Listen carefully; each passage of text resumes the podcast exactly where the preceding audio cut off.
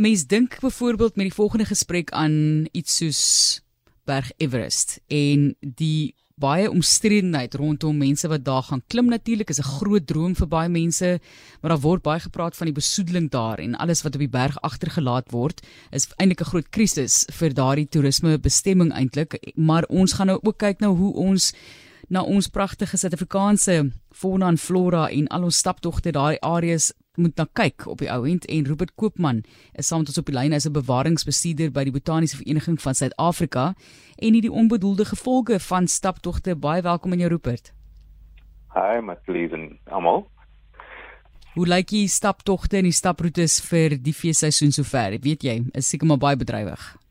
Ja, kyk, uh, dis nou die enigste uh, van die min veilige aktiwiteite wat ons saam kan doen deesdae. Ehm um, maar dis dis ook, jy weet ons het ons pragtige somer weer reg oor die land en ehm um, ons is bevoorreg dat jy eintlik baie lande in een land het in Suid-Afrika, jy weet. Ehm um, as jy rondreis is daar ander ervarings wat jy kan kry. Kom ons gesels net gevinnig oor die soos julle dit nou noem onbedoelde gevolge van staptogte. Lê dit vir ons uit asseblief. Hmm. So ek ek dink ehm um, dis maar deel van mense soos ons leer oor ons impakte, ehm um, dan sal ons nog impakte uh sien. So uh en en ek het 'n voorbeeld van toe ek jonger was as as 'n uh, uh, kranige stapper. Ehm um, was dit nog oukei okay om jou ehm um, skille van jou vrugte te groei langs die pad want dit's ehm um, biodegradable. Dit sou weet ons dat vat om te verteer as, as wat ons gedink het. So dit kan maklik ehm um, in die in, in omstandighede vir 'n uh, ehm um, enige vrugskil of of of ehm um, kool soos 'n appel uh, kan vir jaar of 3 vat om om weg uh, te verteer. So ehm um, en, en so leer ons en en ehm um, die die plaaslike of die die onlangse ding wat met my weer laat dink het hieroor is is die ehm um, erosie wat uh, gebeur op Tafelberg, um langs van die strome. So dit het 'n impak op die um inheemse en endemiese Tafelberg um ghost uh, stable mountain ghost frog so wat sal dit wees 'n um Casper para. Ja ja. Wat sê jy? Casper para oulik ek hou daarvan. Spookpara. Uh, ja. Spookpara dis hom.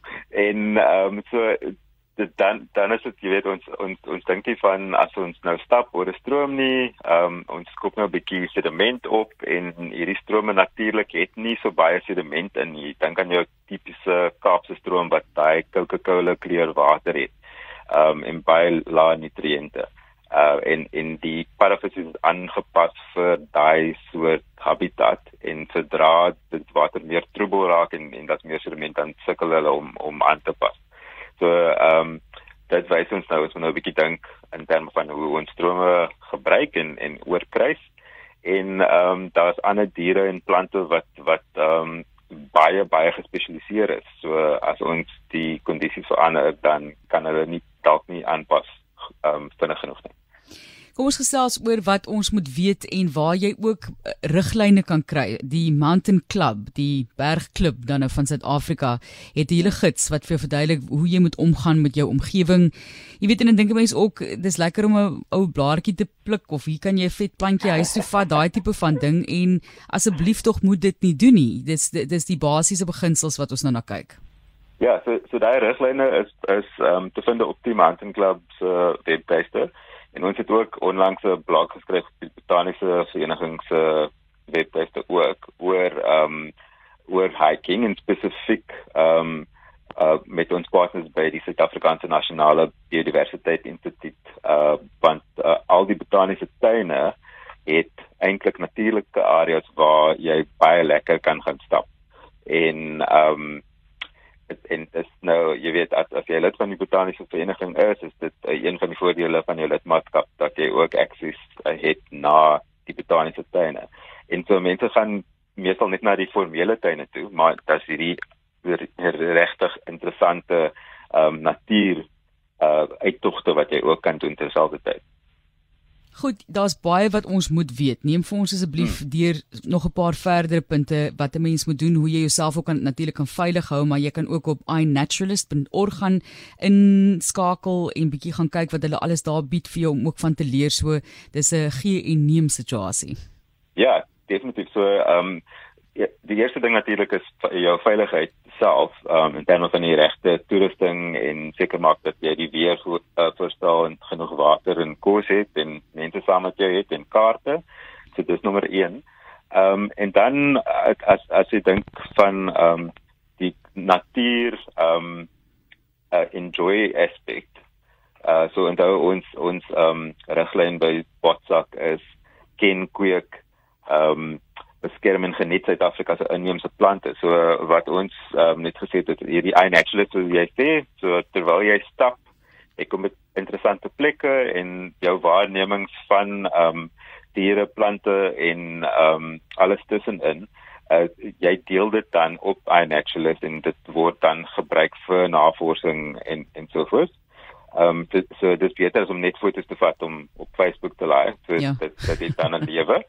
Ehm um, en uh, dan ook ehm um, jy weet as jy kyk vir hierdie uitheemse plante nou partykeer ehm um, lyk jy uitheemse plante baie soos die inheemse plante. So uh, as jy nie seker is nie los hulle maar maar as, jy nou ehm um, gekyk het na van van hierdie resources wat beskikbaar is of gaan stap met met van ons ehm um, botaniese vereniging branches wat reg oor die land is ehm um, dan kan jy met mense stap wat 'n goeie idee het van van die plant en en vir 'n bietjie kan ehm um, toe wys en dan uh, kan jy van hulle uh, wat klein genoeg is uittrek of ehm um, van van die ander stappers wat ek ken het draai een van hierdie opvou ehm um, saag saag wat jy gebruik in die in die tuin ehm um, saam om om die items ehm uh, bome wat wat nog klein genoeg is ehm um, langs die paaie af te saai. Of die staproetes mense kan gaan aansluit by soos jy gesê die verenigings julle noem dit Bot Sock. So dis Botanical ja. Society kort B O T S O C. Mense kan maar gaan Google en kyk na 'n uh, plaaslike een is dit reg?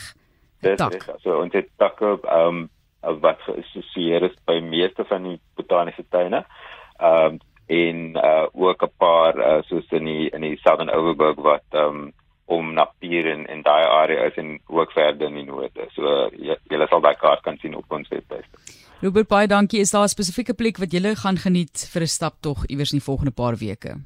So, hierdie tyd van die jaar want ek is in die Kaap, ehm um, en vandat ek 'n chokkertjie is, het ek vat my pa uh, vir ons na Harold Potter Botaniese Tuin. Ehm um, so dis dis daar by Betty's Bay.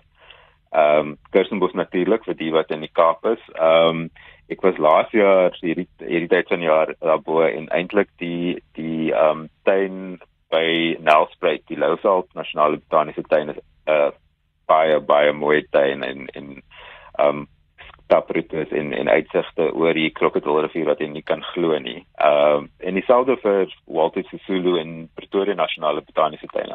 Almal het hulle eie bekoring en en veral in die somerreënval areas op die oomblik dis nou op hulle beste tyd. Vrystaat, um Pieter Pietermaritzburg, uh oral is mooi en en dis die voorreg wat ons het as Suid-Afrikaners.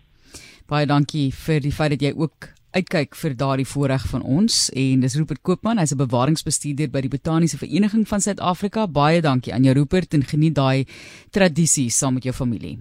Dis reg, dankie julle.